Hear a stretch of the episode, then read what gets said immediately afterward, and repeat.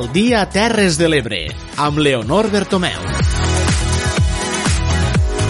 Hola, benvinguts a una nova edició de l'Aldia Terres de l'Ebre. Complim ja 30 dies de confinament i el govern de l'Estat ja ha anunciat que tot i que l'estat d'alarma s'allargarà encara 15 dies més, a partir de diumenge relaxaran les condicions del confinament i finalment han autoritzat que els menors de 14 anys puguen sortir al carrer una estona cada dia per anar a passejar.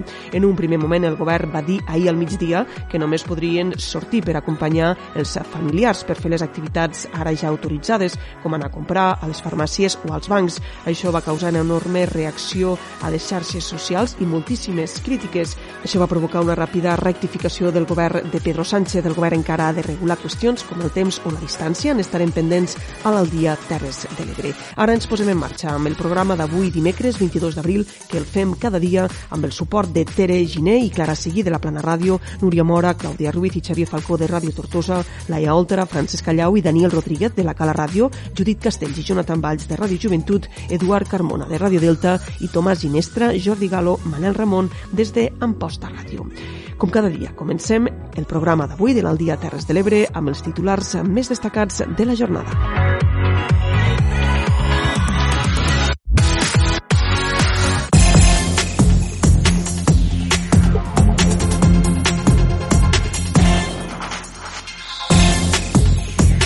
Encetem el repàs dels titulars als tribunals. L'Audiència de Tarragona ha condemnat a penes de fins a 57 anys de presó als membres d'una xarxa de pederàstia que captava menors tutelats a Tortosa. La Cambra de Comerç de Tortosa engega el projecte que cap empresa tanque per tal de mitigar els efectes de la crisi empresarial derivada de la Covid-19. El govern de la Generalitat descarta ara l'ús de busos escolars per al transport de temporers i aposta per l'entrada de noves línies i el reforç de les existents per fer front a la campanya de la fruita dolça. Junts per Catalunya, a través del diputat al Congrés Ferran Bel, demanarà la supressió de la regla de la despesa per als ajuntaments fins l'any 2021. Les Terres de l'Ebre són les comarques catalanes amb menys casos registrats de coronavirus. Al Montsià se n'han registrat una trentena de casos. Tots els grups municipals de la Mella de Mar formaran una comissió de seguiment del Fons Solidari de l'Ajuntament. També a la Mella de Mar crida per sumar més persones a la borsa de voluntariat. Pel que fa als titulars de la cultura, Amposta prepara un Sant Jordi especial mitjançant l'emissora municipal i amb una iniciativa que vol unir a les 7 de la tarda a tots els músics de les Terres de l'Ebre i de Catalunya. A Santa Bàrbara, l'Esmart Centre ha preparat un Sant Jordi virtual on també hi col·labora la Plana Ràdio. I Òmnium Cultural Ebre celebra el Sant Jordi confinat, una iniciativa per seguir promocionant els diferents autors del territori. Per acabar, un titular més, el govern de la Generalitat ha aprovat una aportació de 850.000 euros al Copate per a fer front a la lluita contra el mosquit i la mosca negra. Això permetrà incrementar els tractaments per enguany. Estos són els titulars d'avui dimecres, 22 d'abril. Ens posem tot seguit a l'Aldia Terres de l'Ebre a ampliar-los tota la informació.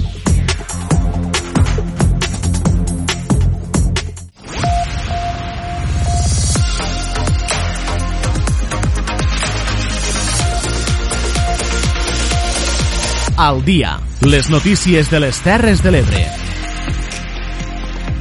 Obrim avui portada informativa al dia Terres de l'Ebre als tribunals. L'Audiència de Tarragona ha condemnat a penes d'entre 7 i 57 anys i mig de presó els quatre individus jutjats al novembre acusats de pertànyer a una xarxa d'abús de menors i pornografia infantil destapada el 2015 a Tortosa. Els tres principals acusats, els que van operar des de la capital del Bagebre, continuen fugits de la justícia. Ens informa de tot plegat des de Ràdio Tortosa, Núria Mora. El tribunal condemna quatre dels processats per un delicte continuat de captació i utilització de menors per l'elaboració i distribució de pornografia, per un de distribució de material pornogràfic elaborat amb menors d'edat i per sis delictes d'abús sexual a menors. Tres d'ells estan acusats també de pertinença a grup criminal. Hauran d'indemnitzar amb 279.000 euros una trentena de víctimes. La resolució es veu condicionada, però, pel fet que el presumpte cervell de la trama i els dos principals col·laboradors van fugir i continuen en crida i cerca. A tots tres els van detenir el 2015 quan es va descobrir que captaven menors per produir material pornogràfic en un pis de Tortosa a canvi de petites quantitats de diners. En la sentència, el tribunal considera que no ha quedat prou acreditada l'acusació d'organització criminal pretesa per la Fiscalia i l'acusació particular exercida per la Generalitat. La clau per destapar el cas va ser la denúncia de la mare d'una de les víctimes i les educadores d'un centre de menors de Tortosa, que van detectar que diversos nois d'aquest centre s'escapolien i tornaven amb diners i tabac a les butxaques. Aquesta és la xarxa de pederàstia més gran desarticulada fins ara a l'estat espanyol.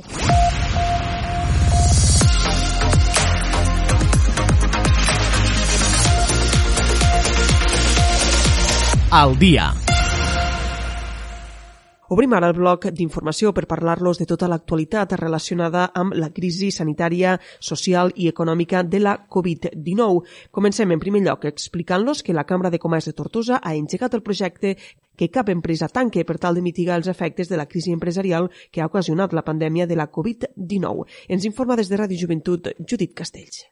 El teixit empresarial patirà greument les conseqüències del confinament. És per això que la Cambra de Comerç Tortosa, mitjançant el Consell de Cambres de Catalunya, ha engegat el projecte que cap empresa tanqui per tal de mitigar els efectes de la crisi empresarial. La iniciativa se marca dos reptes fonamentals. Reactivar la demanda interna, mantenint l'oferta, i fomentar la internacionalització de les empreses. Així ens ho explica el president de la Cambra de Comerç de Tortosa, Francesc Faiges. És de màxima prioritat pensar també que a la vegada que mantenim l'oferta, tenim que activar la demanda i la internacionalització de l'empresa una vegada més serà clau per a la nostra economia. Les empreses catalanes tenen que potenciar els mercats exteriors per assegurar la viabilitat i mantenir els llocs de treball. A les Terres de l'Ebre s'han registrat més de dos milers d'ERTOs que han deixat a l'atur a més de 8.000 treballadors i davant el previsible tancament de molts negocis, des de l'entitat s'assessorarà jurídica i econòmicament als empresaris que decideixin abandonar perquè el procés se faci de forma ordenada. Així ens explica Pau Gisbert, secretari de la Cambra de Comerç de Tortosa. Seran informacions confidencials, seran informacions molt personalitzades i el que tractarem en tot moment és que aquell empresari que per falta d'informació o per falta d'assessorament no sap o no valora les conseqüències de fer un tancament ordenat per a que el dia de demà es pugui acollir tant el que vulgarment diem llei de segunda oportunitat, no ben bé per als empresaris perquè no es poden acollir, però sí per a persones que haguem pogut avalar negocis i puguem ajudar a que obtinguin el BEPI, que bàsicament això es tradueix en el benefici d'exoneració del passiu insatisfet. El programa, que s'estructura en quatre grans apartats, també vol posar a disposició dels empresaris diferents eines per a garantir la continuïtat de les seves activitats amb assessorament en aspectes financers i de reposicionament als mercats. Se tornarà a posar en marxa el servei de reempresa per transmetre noves idees de negoci a emprenedors. A més, properament les empreses podran optar a ajuts directes en àmbits com el comerç, turisme i innovació tecnològica. Per fomentar la demanda de productes locals també es crearà un marketplace virtual de les Terres de l'Ebre. Des de la Cambra de de Comerç demanen també que s'avanci el desconfinament a les Terres de l'Ebre si se confirma que hi ha menys afectació pel coronavirus. Més qüestions. A pocs dies que els tempores comencen a recollir la collita de fruita dolça a la Ribera d'Ebre, el govern de la Generalitat ha decidit fer un canvi en el seu pla de transport. Ara descarta l'ús dels busos escolars. Ens informa de tot plegat Clàudia Ruiz des de Radio Tortosa. A principis d'abril s'anunciava que per assegurar el funcionament de la campanya de la fruita dolça, al territori s'utilitzarien els busos escolars que actualment no ofereixen servei. El delegat del govern a les Terres de l'Ebre, Xavier Pallarès, ha anunciat ara que s'està treballant per l'obertura de noves línies de transport en autobús i el reforç de les ja existents. D'aquesta manera, els jornalers es podran traslladar des de les ciutats de Deltebre, Amposta o Tortosa fins als municipis de la Ribera d'Ebre on realitzen la campanya. El delegat del govern ha argumentat així així el perquè d'aquest canvi de criteri. S'ha canviat de criteri, no es poden utilitzar per diversos temes. Un, eh, perquè són busos que estan contractats per al que estan contractats. Dos, eh, perquè tot i que el Departament d'Ensenyament i la Generalitat de Catalunya eh, continuen fent uns pagaments, aquests busos estan eh, a disposició de, del transport escolar eh, per si reanude eh, quan tingui que reanudar. Per tant, s'ha cregut convenient de no utilitzar aquests busos eh, i per temes també de, legals, per entendre'ns. Per tant, eh, s'ha creat, s'ha vist més convenient fer línies noves eh, i reforçar les línies existents. Per garantir la seguretat dels treballadors i usuaris del servei, recomanen utilitzar un terç de l'autobús, la qual cosa suposaria 40 viatges de pujada i 40 de baixada. Per tal de reduir el nombre de vehicles i el seu cost, demanaran al govern espanyol utilitzar el 50% de la capacitat dels autocars, per la qual cosa només podrien asseure's als seients del costat de les finestres. Tot i això, també podran utilitzar vehicles propis. Poden gestionar sistemes alternatius en les condicions que marca el Proficat. En una furgoneta de 9 persones sol poden anar 3 persones i en un cotxe normal sol poden anar un davant i un detrás. Per tant, poden anar, eh, poden utilitzar el vehicle que ells consideren oportú.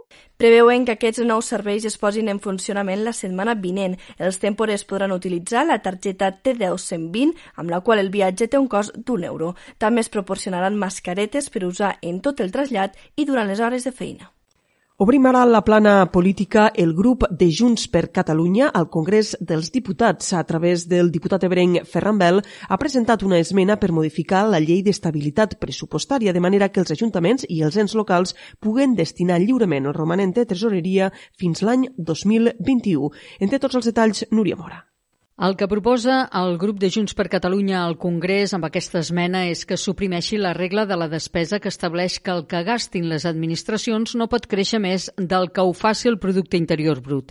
Des del Partit Demòcrata es reclama que durant el 2020 i el 2021 els ajuntaments i els ens locals puguin destinar el romanent de tresoreria positiu al que creguin convenient per fer front a la situació de crisi provocada per l'emergència del coronavirus.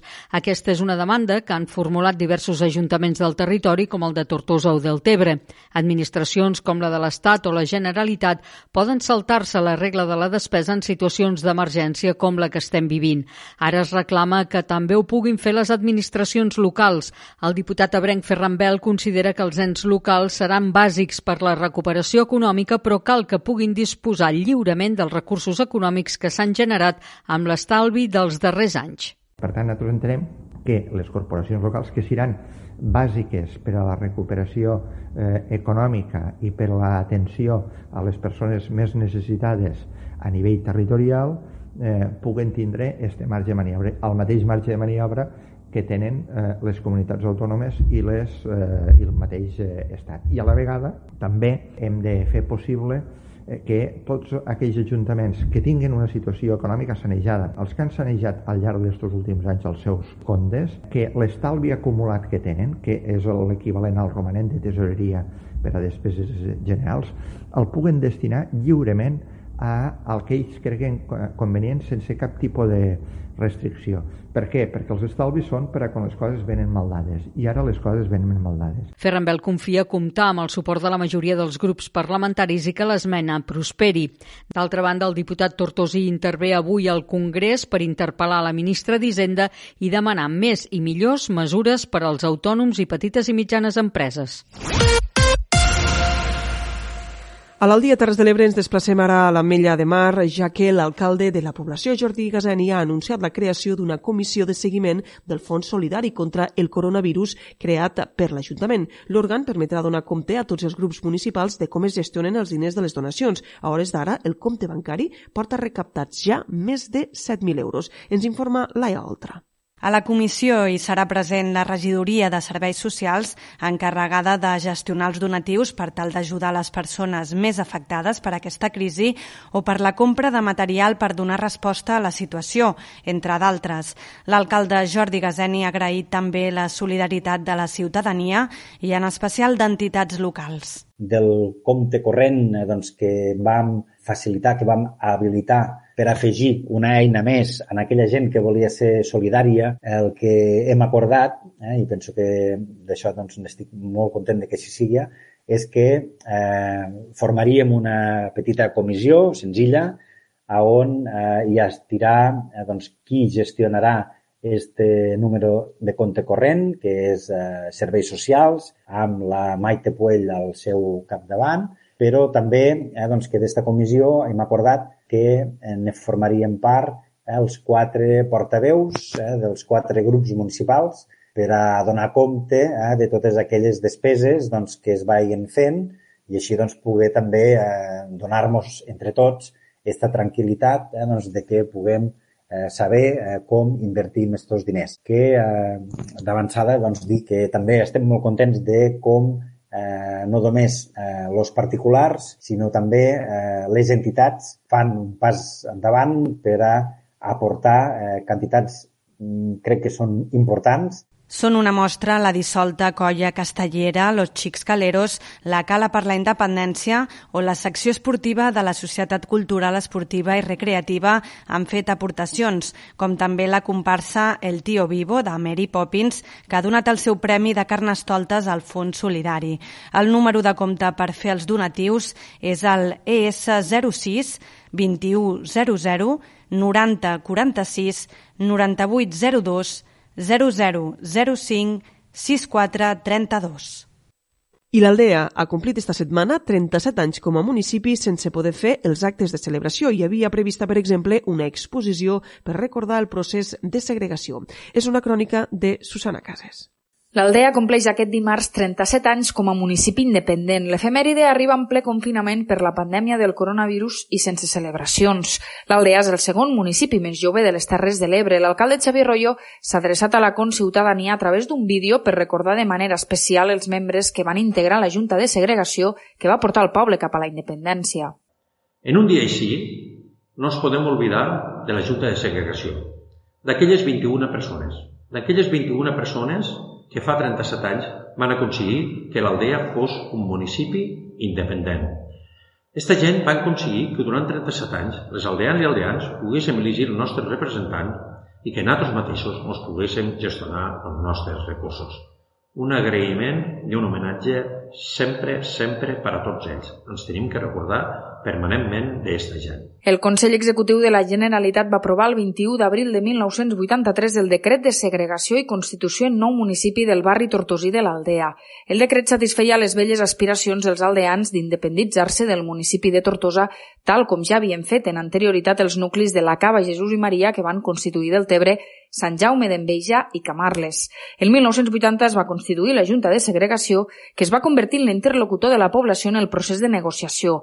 Per commemorar l'aniversari, l'Ajuntament tenia previst inaugurar una exposició permanent amb les fotografies de totes les persones que han estat membres de les diferents corporacions locals. La pandèmia del coronavirus ha ajornat sine dia aquesta inauguració.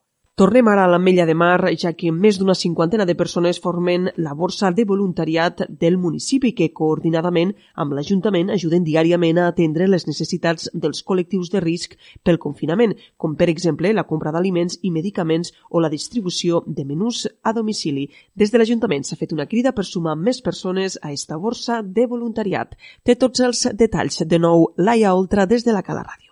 Per tal de reforçar l'actual equip de voluntariat, tant la regidora de Serveis Socials com els impulsors de la borsa fan una crida perquè més persones s'hi sumin i col·laborin. La regidora Maite Puell agraeix la feina que fan els voluntaris i explica que en calen més per poder fer rotació i seguir atenent totes les demandes que reben. A l'inici del confinament es va fer una crida voluntariat en previsió de les necessitats que poguessin sorgir els caleros i caleres. Va haver una gran resposta, hi ha una gran resposta. Des de l'Ajuntament estem molt satisfets del grup que s'ha muntat. Atenem a les necessitats que se'ns plantegen i seguim seguim i seguirem per arribar a les cases allà on ens necessitin. El volum d'atencions i serveis augmenta i si bé ja contem amb quasi 60 voluntaris, ne necessitem més per poder donar una fluidesa i alhora descarregar els voluntaris amb uns serveis no tan eh, seguits.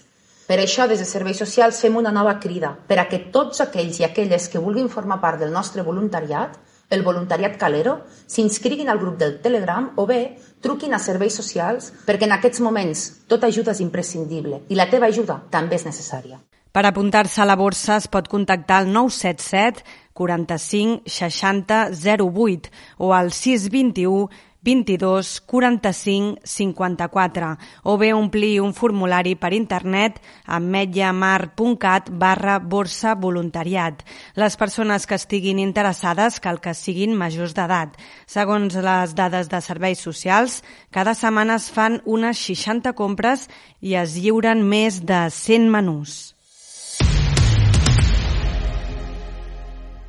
Obrim ara la plana cultural per a parlar-los del Sant Jordi confinat d'Òmnium Cultural Ebre, una iniciativa per seguir promocionant els diferents autors del territori. El passat dilluns, mitjançant l'Instagram Live d'Òmnium Cultural, van iniciar-se les converses del Sant Jordi confinat que s'allargaran encara fins al dia 30. Ens informa Tere Giné des de la Plana Ràdio. Aquesta és una proposta de l'entitat per tal de donar a conèixer les obres més destacades eh, d'aquest Sant Jordi d'autors ebrencs. Les converses van iniciar-se dilluns a càrrec de la presidenta d'Òmnium Cultural a l'Ebre, Dolors Ro, i l'il·lustrador roquetenc Ignasi Blanc.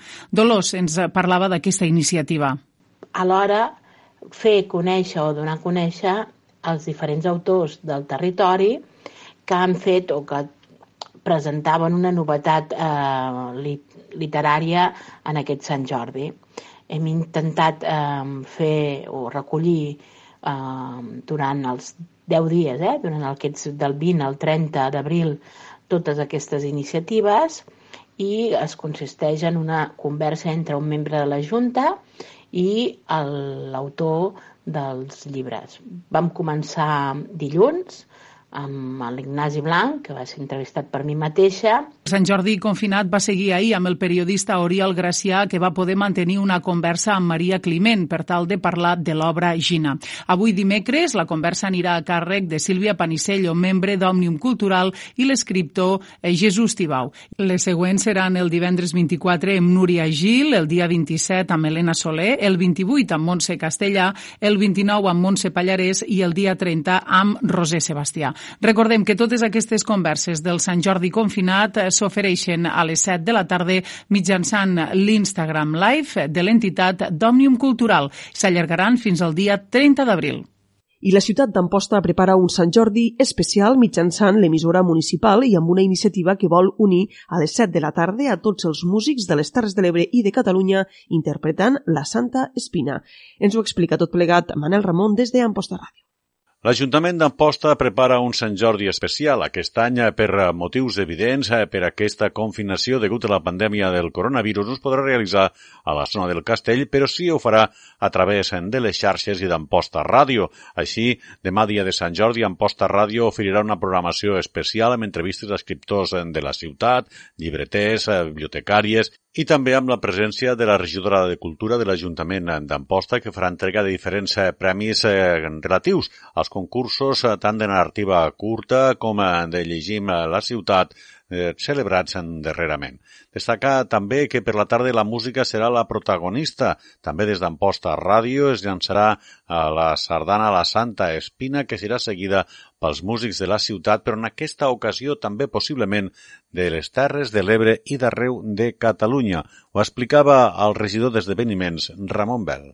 I aquest dijous, doncs, en principi, totes les, eh, tots els músics d'Amposta i de les Terres de l'Ebre doncs sortiran al balcó i tocaran la Santa Espina eh, eh, per celebrar una miqueta a les 7 de la tarda el que és Sant Jordi. A, a, aquesta, aquesta aventura, aquesta pensada de fer a Terres de l'Ebre se n'entera la Federació Catalana de, de Bandes i envia un correu a totes les bandes de Catalunya. Jo no sé la repercussió que això pot arribar a tenir, però jo sé que a hores d'ara tots els ajuntaments de les Terres de l'Ebre eh, tenen la peça que anirà eh, tenen la partitura de lo que han de tocar els músics i també les bandes de tota Catalunya. Jo no sé si a Igualada, no sé si a Sabadell, si a Barcelona hi haurà músics que sortiran al carrer, a, perdó, als balcons a tocar o no. Però si ocorreix això, cosa que seria genial perquè s'ha fet una crida a totes les bandes de Catalunya, doncs, bueno, eh, mos hem de sentir orgullosos de que això surt d'Amposta i que surt de la línia de la fila i que almenys l'Amposta ho tindrem i que segurament moltes bandes de les Terres de l'Ebre també, també sonaran. Dir també que la regidoria de Cultura fa una crida que els ampostins i ampostines celebren Sant Jordi als balcons, també guarlint-los en tot allò que fa referència en aquesta festa del llibre i de la rosa que demà es celebra. També des d'Amposta Ràdio durant tot el matí es farà sortejos de llibres eh, tant infantils com d'adults entre totes les persones que hi participen en aquest programa especial. Anem ara a Santa Bàrbara, ja que l'Esmar Centre Planer ha preparat un Sant Jordi virtual on també hi col·labora la Plana Ràdio. Ens ho explica Tere Giner. La regidoria de Cultura de l'Ajuntament de Santa Bàrbara ha proposat diferents activitats per celebrar un Sant Jordi confinat i acompanyat des de la Rebella d'Històries Sant Jordi a casa amb vídeos dels participants, dels diferents cursos que es realitzen a l'Smart Centre i que es podran veure per les xarxes socials, fins la celebració de la Diada a la Plana Ràdio amb la lectura de poemes per part de l'alumnat de tercer d'ESO de l'IES Les Planes de Santa Bàrbara. Recomanacions eh, literàries i novetats eh, per aquest Sant Jordi o un contacontes que es farà per les xarxes socials el dia després de la Diada. El tècnic de Cultura, Guillem Gaia, explicava que s'han tingut que adaptar al màxim totes aquestes activitats al que ja tenien previst fer per aquest Sant Jordi una mica sí que serà diferent, sí que serà en unes altres circumstàncies, però mm, les tres activitats que farem mm, són al màxim adaptades a lo que teníem previst. En aquesta mateixa diada, Santa Bàrbara també podrà viure un contacontes mòbil pels diferents carrers del poble, els balcons engalanats amb flors o des de la plana ràdio s'oferirà un espai de felicitacions, trucades sorpresa i la possibilitat d'enviar missatges de veu. Les lectures dels poemes per part dels alumnes de l'IES Les Planes retransmeten transmesa des de la emissora municipal a Santa Bàrbara serà una de les activitats amb més participació. Tanquem ara la plana cultural i tota la informació dedicada a Sant Jordi per explicar-los que el govern de la Generalitat aportarà 850.000 euros al Copate per fer front a la lluita contra el mosquit i la mosca negra. Fins ara l'aportació de la Generalitat era de 600.000 euros anuals i l'import ara assignat representa un increment substancial que se suma a l'increment de recursos que també ha fet per enguany la Diputació de Tarragona. El Copate disposarà, per tant, d'un major pressupost que es traduirà en més tractaments tant tant contra el mosquit al Delta, amb més hectàrees de zones naturals tractades, i contra la mosca negra al riu Ebre, amb la voluntat d'arribar a fer 6 o 7 tractaments al llarg de l'any. Així ho ha explicat el president del Copate, Joan Alginet. La proposta que tenim avui damunt de la taula com, comportarà doncs, bueno, passar de, de 3 tractaments a 4 als arrossars i de 3.000 hectàrees en espais naturals a, a 4.000, per tant, pel que fa a la mosquit tenim aquesta previsió, i també pel que fa a la mosca, no? més un tractament, eh, i si podem estirar-ne dos, més que l'any 2019. Per tant, aquest esforç que han fet les administracions ha de servir també per a que aquests tractaments siguin més eficients L'increment de l'aportació econòmica del govern i la Diputació ha estat una llarga reivindicació del COPATE que treballava amb els números del conveni del 2016. Un cop aprovada la subvenció, queda ara pendent la signatura del conveni per blindar el pressupost del COPATE els pròxims anys. En el cas de la lluita contra el mosquit, part del finançament l'aporten els municipis del Delta. Per ampliar tota aquesta informació, més endavant podrem connectar al Dia Terres de l'Ebre amb el president del COPATE, Joan Alginet. I per acabar l'informatiu d'avui dimecres 22 d'abril de l'Aldia Terres de l'Ebre ens fixem en una notícia esportiva. El gimnàs municipal d'Amposta ha començat a donar classes en directe a través de YouTube. Hi ha classes diàries de dilluns a divendres i també fins a tres classes en dissabtes. És una crònica de Manel Ramon.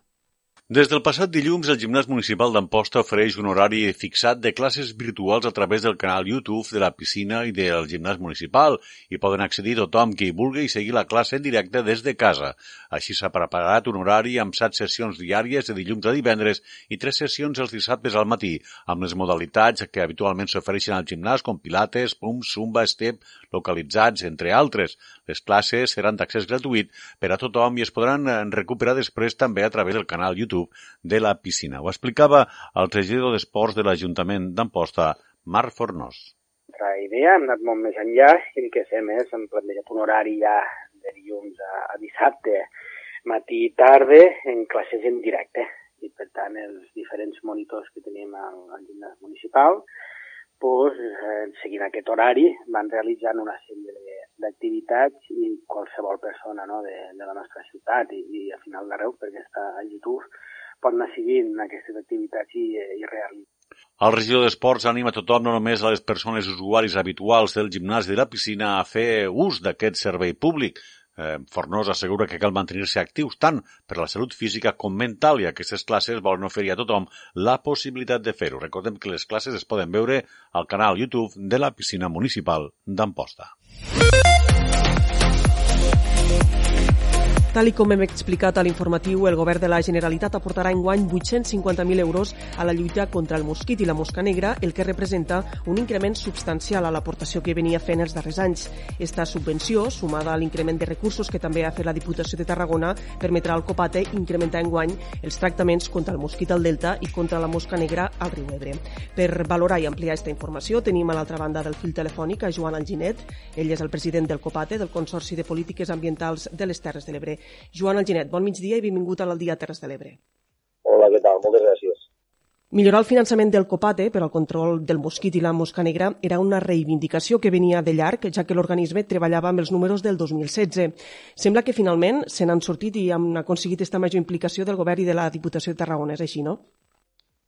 Bueno, pues sí, efectivament, el motiu pel qual eh, treballat durant tot aquest temps, en aquest cas jo, jo, poc, jo poc temps, eh, perquè som president des del setembre, però sí que els meus antecessors pues, realment van posar damunt de la taula la necessitat eh, realment aquesta lluita contra les, contra les plagues que tant afecten i que són un problema pues, per als municipis del Delta, el que fa el mosquit i la mosca negra, pues, els municipis de Ribera, s'havia d'abordar com, com se solucionen una mica els problemes també a, a la política o a l'administració pública. No? Creiem de veritat que feien falta més recursos. A Catalunya es donava la circumstància i esperem que sigui per pocs dies eh, que estarem gestionant o s'estava gestionant el dia a dia uns pressupostos prorrogats, eh, fet que havia dificultats, com tu apuntaves, que no havien pogut actualitzar pues, la proposta econòmica des de feia uns anys. No? Havia acabat també el conveni, que en aquell moment va acabar el 18, eh, estàvem sense conveni, eh, sense pressupost, una mica una situació que, tot i que ens, evidentment ens permetia igualment fer la feina, ens deixava en una situació administrativa una mica, una mica incerta. No? Per tant, ja va ser a principis d'any del 2019 que en aquell moment el, el, el assessor Paco Gas pues ja va posar damunt de la taula del govern de la Generalitat que calia ser més ambiciós, que realment els resultats de les campanyes, tant pel que feia el mosquit i la mosca, tot i ser eficients, eh, no havien resolt el problema que generaven els seus municipis eh, més propers i, per tant, calia anar més enllà. I en aquest sentit vam plantejar una proposta molt més ambiciosa a nivell econòmic, que ahir pues, bueno, ja ho vam veure per part de la Diputació eh, fa uns mesos quan va aprovar el seu pressupost i ahir pues, efectivament el Consell Executiu també ens va donar aquest impuls d'uns recursos bueno, que ens han de servir eh, en primer lloc per ampliar el mapa de tractaments que veníem fent tant en mosquit com mosca, que això al final ha d'acabar repercutint en una millora de la percepció de la ciutadania pel que fan aquests plans. Ara falta, però, la signatura d'un conveni que garanteixi i doni estabilitat als pressupostos del COPATE els pròxims anys i que no es depengui tant de la política, de la, de la burocràcia, de l'administració, de si hi ha pressupostos, de si no hi ha pressupostos. Eh, per a quan està previst este, és la signatura d'aquest conveni? Mira, demà mateix tenim una, una primera reunió de treball ja en la delegació del govern de les Terres de l'Ebre. De fet, la proposta de conveni la treballarem conjuntament des del territori i després la passarem a, a la Generalitat, als serveis jurídics, i això, nosaltres el que, el que pretenem des del COPAT és que quan, quan més aviat millor. Certament hi ha un tràmit previ, que és l'aprovació del pressupost, que si tot va bé, i esperem que sigui així, doncs este divendres el Parlament de Catalunya ja l'aprovarà. Un cop tinguem pressupost, eh, jo crec que com hi ha voluntat per totes les parts, simplement és posar blanc sobre negre al paper eh, les peticions, demandes eh, de, de, de, del propi consorci, del propi consorci en relació a les plagues, doncs jo crec que serà, mm, serà imminent. En aquesta proposta de conveni s'havia parlat en un primer moment que els municipis afectats per la mosca negra poguessin fer també la seva aportació per finançar el copate, com estan fent els ajuntaments del Delta. Aquesta opció encara està damunt la taula o de moment s'ha descartat? Aquesta opció, eh, jo, jo vull posar de manifest la importància del cofinançament municipal eh, la lluita contra, contra les plagues. De fet, enguany fa 30 anys. Enguany celebrem 30 anys de polítiques ambientals a les Terres de l'Ebre, precisament 30 anys en què els municipis del Delta han estat cofinançant la lluita contra el mosquit. Eh? I això és molt important i, a més, en unes quanties, en molts casos, molt importants. Va en funció d'uns criteris eh, per hectàrees, per terme municipal, per habitants, però en unes, en unes quantitats molt importants. Mm, soc dels que creu, eh, i així ho he traslladat eh, sempre que he tingut l'oportunitat, que eh, la corresponsabilitat municipal ha d'existir. Ha d'existir en polítiques públiques importants, eh? evidentment al costat de les, de, de les administracions competents, però mm, eh, ho crec i ho defenso. Ara bé, el tema de la mosca és molt més complicat. Primer, perquè no, no és un mapa territorial acotat com és lo Delta, davant d'una problemàtica concreta que afecta estrictament el delta, sinó que és un mapa més generalitzat. No? De fet, vam estar mirant inclús la possibilitat de uns, uns barems, uns barems de, de, a l'hora d'establir de, de, aquests pagaments per proximitat a la llera del riu, que era el vinculant, però era, era un plantejament econòmic que obríem als 52 municipis de les Terres de l'Ebre. Evidentment no tenia sentit que els municipis del Delta també financessin la Mosca Negra, perquè evidentment ja financien la seva problemàtica, però a partir d'aquí eh, vam, vam obrir una ronda de presentacions o una ronda de, de visites als Consells d'Alcaldes de les comarques de l'Ebre, plantejant aquesta possibilitat. Mm, no vaig veure el Montsià i de dir que van veure en bons ulls la proposta i van plantejar. A més, eh, la majoria dels casos no hi havia cap import que superés els 3.000, eh, 2.000 euros. Eh? Eren imports eh, menors. Bé, mm, sí que va haver cert recel i certa oposició a algun municipi de la, de la Terra Alta i algun municipi de la Ribera d'Ebre. Eh, aquí la clau està en qui té la capacitat coercitiva de condicionar o d'obligar els municipis a fer aquest pagament.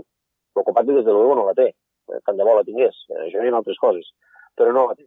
Per tant, si no tenim la garantia de que la Generalitat de Catalunya creu fermament que ha de tindre capacitat per dir, escolteu, eh, municipis de la Ribera de la Terra Alta, tothom, aquests són els criteris i a partir d'aquí vostès hauran de fer front a, un a aquest finançament. Si no la té, doncs, bueno, eh, evidentment surten dubtes, tots legítims i lícits, eh, tampoc no, no, no he de dir el contrari, però que, que posen en dubte pues, bueno, eh, la capacitat de finançar-se. No? En el moment que hi ha dos o tres municipis que posen en dubte això, si no tots tenim un criteri un, un, únic, pues, eh, aquí tenim un problema. A la vegada, bé, també vam pensar que com que l'aportació que han de posar tots els municipis de les Terres de l'Ebre en relació a la mosca no superen els 90.000 euros, estem parlant d'una xifra eh, per a pressupostos de la Generalitat o la Diputació bastant irrisòria, i com que la pròpia Diputació de Tarragona té una, una línia a la qual aquests municipis se poden adherir per a, a finançar part de la salubritat dels seus municipis, van traslladar a la Diputació la possibilitat de que mm, seria més fàcil que la Diputació assumís esta, esta, esta, esta petita part que no que la Diputació es troba en 40 pico, 40 i pico d'expedients demanant ajuts eh, de, cada, de, cada, de cada municipi. En aquest sentit, si la Diputació pot fer aquesta aportació, reduirem la càrrega administrativa, i més en aquest context que estem i que vindrà, pues, de trobar-se la Diputació en els mateixos municipis que sol·licitarien que els ajudessin a finançar-se. Per tant, estem a l'espera de que la Diputació pugui assumir els 90.000 euros i de quina manera això pues, ho podem canalitzar a través dels municipis. Per tant, podria ser que fos la Diputació qui acabés aportant no, aquesta part eh, que haurien d'aportar els municipis per a, la, per a finançar la lluita contra la mosca negra, estem parlant ara. Nosaltres, eh, com a consorci tècnic, el que volem és tenir els recursos per a fer tots els tractaments. Ah, sí que és cert que hem fet un paper possiblement que no ens ha correspost que no ens correspondria, que és una mica articular eh, l'artimanya municipal i, de finançament. Eh, si ho posa la Diputació, jo crec que seria el més encertat pels criteris que li he dit, però en tot cas tampoc podem obligar la Diputació a posar uns recursos que han posat molts més dels que venia posant. Abans comentaven que este increment del pressupost d'esta aportació de la Generalitat permetrà fer més tractaments en guany, tant contra el mosquit com contra la mosca negra, però podem dir que en guany, a més a més, el que ha permès este compromís de la Generalitat, que va arribar a través d'una carta del delegat del govern al mes de gener, ha permès començar també quan tocava, no? quan calia, els tractaments, ja que tant en el cas de la mosca com en el cas del mosquit han començat. Sí, jo crec que és un, és, ha estat un bon any en aquest sentit, almenys l'inici va ser, va ser, va ser eh, esperançador, perquè bé, la coordinació entre la delegació del govern eh, i el COPATE ha, ha existit des del primer dia, i és tal com ha de ser, i així jo crec que hem de seguir. I efectivament doncs, bé, vam, vam traslladar la delegació del govern i de fet va ser un dels primers eh, assumptes que, que un cop arribada a la presidència me van traslladar en seguida els tècnics. Eh? És molt important poder fer el primer tractament eh, quan abans millor dins l'any 2020 i de fet vam començar a treballar. Mm, ens vam trobar damunt la temporal Glòria, que ens va permetre, ens va obligar a retrasar una setmana el tractament, però va fer el primer tractament al mes de febrer. Eh, I els resultats, tant els mostrejos previs com els resultats posteriors, van ser molt eficients i van ser, van ser molt, molt satisfactoris. Van, van, van, eh, no van aparèixer cap larva, eh, i quan dic cap és cap, en sentit eh, estricte, eh, no va aparèixer cap larva de, de, de, de mosca a la, a la llera de l'Ebre, no? Entre altres coses, bé, pues, s'havia produït, entre altres, perquè les, les últimes riuades havien comportat que els macròfits o les algues, en aquest sentit, havien desaparegut, i és el lloc ideal per a la, la, la larva de la, de la mosca negra, però la eficiència d'aquell primer tractament doncs, va permetre, imagines que no haguéssim pogut fer aquell tractament en aquell moment, eh, i els problemes que ens trobem avui de l'alt cabal de l'Ebre que no ens permet el segon, però estem molt preocupats perquè tenim la, la, el maig aquí, tenim el juny i el juliol que són la pica d'esta plaga. Per tant, satisfacció, aquesta és la, és la coordinació que, que volíem, ho vam aconseguir. Ara, en certa manera, i el context que estem, eh, tenim certa esperança eh, i certes garanties de que la eclusió d'esta larva no ha anat molt més enllà de com la vam deixar mes de febrer i estem esperant que baixi el cabal de l'Ebre, que ens han dit que una setmana intentaran eh, eh controlar-lo per a poder fer el segon. Al Delta, la campanya del mosquit segurament vindrà condicionada tant per l'impacte del Glòria al mes de gener com també les pluges constants d'esta primavera. Què li diuen els tècnics? Serà un, un any complicat? Tot apunta que serà un any complicat. Eh? I, de fet, la realitat del Delta previ al Glòria i post-Glòria ha canviat moltíssim. No només per els aiguats que ens han acompanyat i que sembla que no vulguin marxar, sinó eh, perquè el fet de que a moltes zones de la costa, sobretot la zona de l'Emidelta Esquerre, la zona del Niño Perdido a Rio Mar, tota la zona dels Bascos, pues, eh, ha tingut moltes afectacions d'inundacions. No? En el moment que hi ha inundacions, hi ha aigua estancada, hi ha, aigua, hi ha petites aiguamolls que es generen a tota la zona costanera del delta, això és eh, un terreny adobat per a l'aparició la, dels, dels, dels mosquits. No?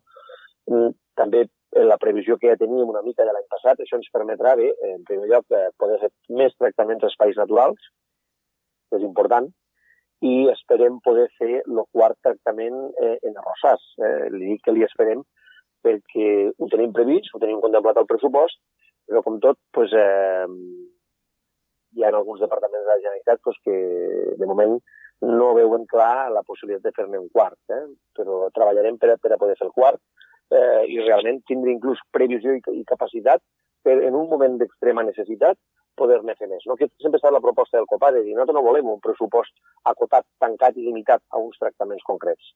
Igual hi haurà un any eh, que, que no haurem de fer tres, i en tres seran suficients, eh, en tres tractaments al mosquit, a espais naturals. Però hi haurà un any que potser no haurem de fer cinc. Per tant, el que no gastem el podem gastar en un any, en un any següent. No? Eh, serà un any que, en funció del, de les properes setmanes i els propers mesos, pues, tot apunta que serà complicat, però hem d'estar preparats i hem de tindre els instruments per a poder fer més tractaments si és necessari.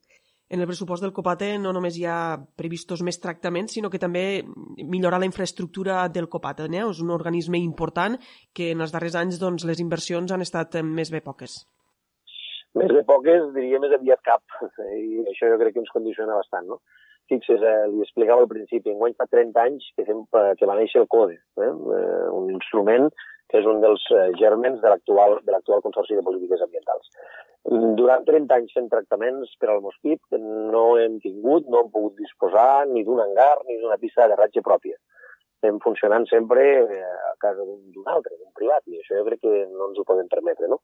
Per primera vegada vam aconseguir pre preveure el pressupost un, una partida per a comprar terrenys eh, i per a construcció d'un hangar, que és el que treballarem. Evidentment, ara doncs, tot el context que estem no ens ha permès eh, avançar, però tindre el pressupost ja, ja és un pas important per a dotar-nos d'unes instal·lacions dignes. Eh? Tenim un espai eh, a Deltebre, però que, evidentment, com a consorci, que realment fem una funció eh, tècnica, que fem una, una funció de control i seguiment, mire, necessitem un laboratori digne necessitem un hangar i necessitem una pista d'aterratge. I això jo és una de les meves màximes prioritats per a poder-ho tindre durant, durant este mandat.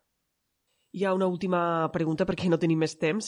Més enllà de la lluita de la mosca i el mosquit, el COPAT és un organisme que s'encarrega també de la gestió dels residus a les comarques del Baix Ebre i el Montsià, un servei essencial també en la situació que ens trobem de l'estat d'alarma pel coronavirus. M'imagino que des del primer moment l'objectiu del COPAT ha estat garantir el servei amb la màxima seguretat la màxima seguretat tant per als treballadors com per als usuaris.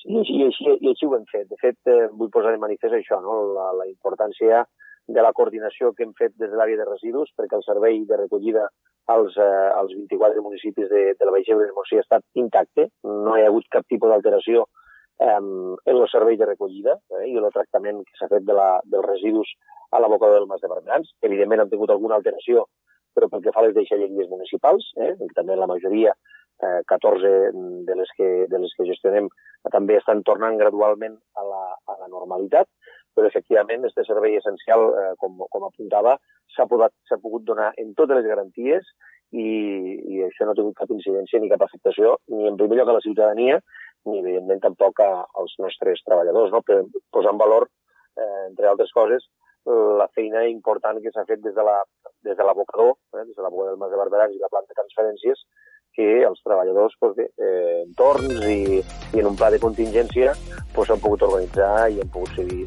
seguir donant el servei. Ens han quedat molts de temes per parlar, però ja no tenim més temps. Ens emplacem a poder-nos parlar més endavant. Joan Alginet, moltes gràcies per ser avui a l'Aldia Terres de l'Ebre i fins una altra. Gràcies a vostès, moltes gràcies.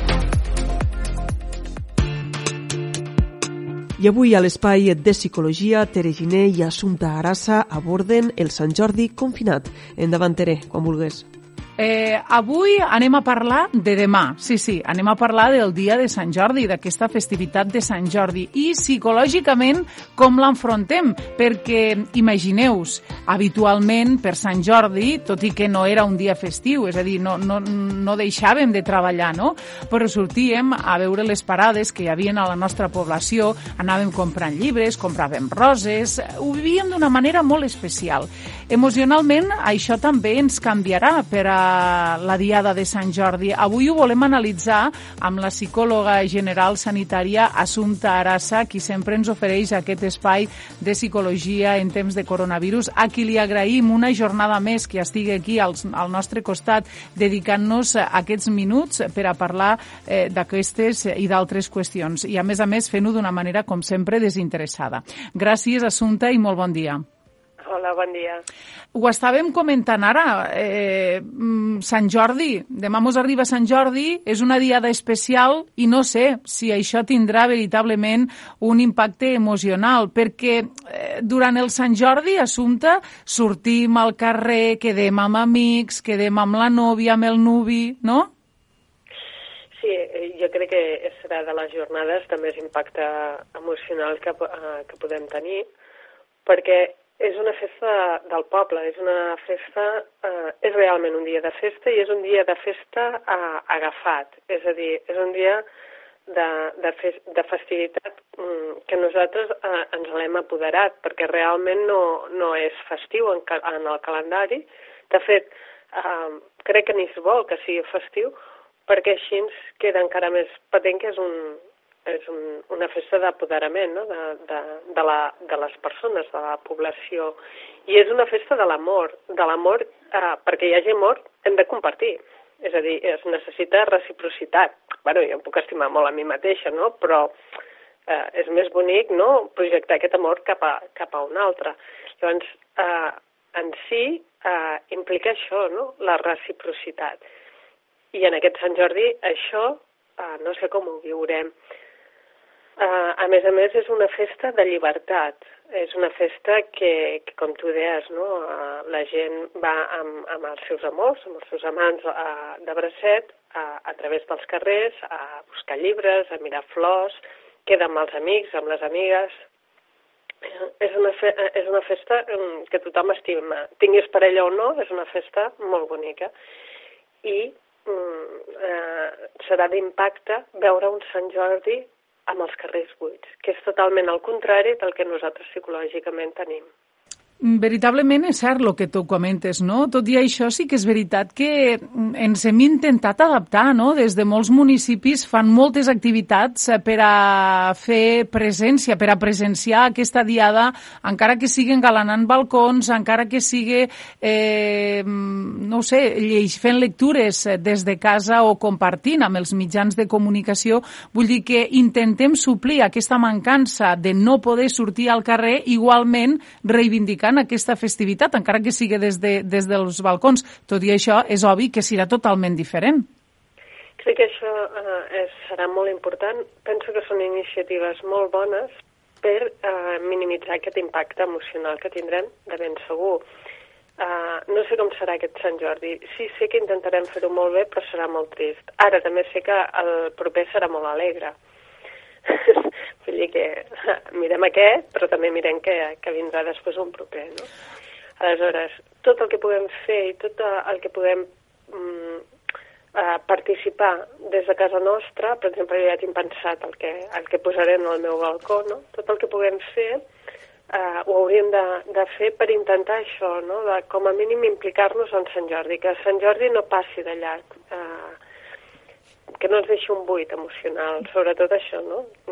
del buit emocional, i que tinguem present que, vale, si, avui, eh, si demà el trobem a faltar molt, d'aquí un any serà una gran festa. Uh -huh. Mira, de fet, ara que estaves parlant d'aquesta qüestió, ahir escoltava per eh, Instagram Live, Òmnium Cultural ha encetat unes converses de, del Sant Jordi confinat amb autors i amb autores d'aquí del nostre territori.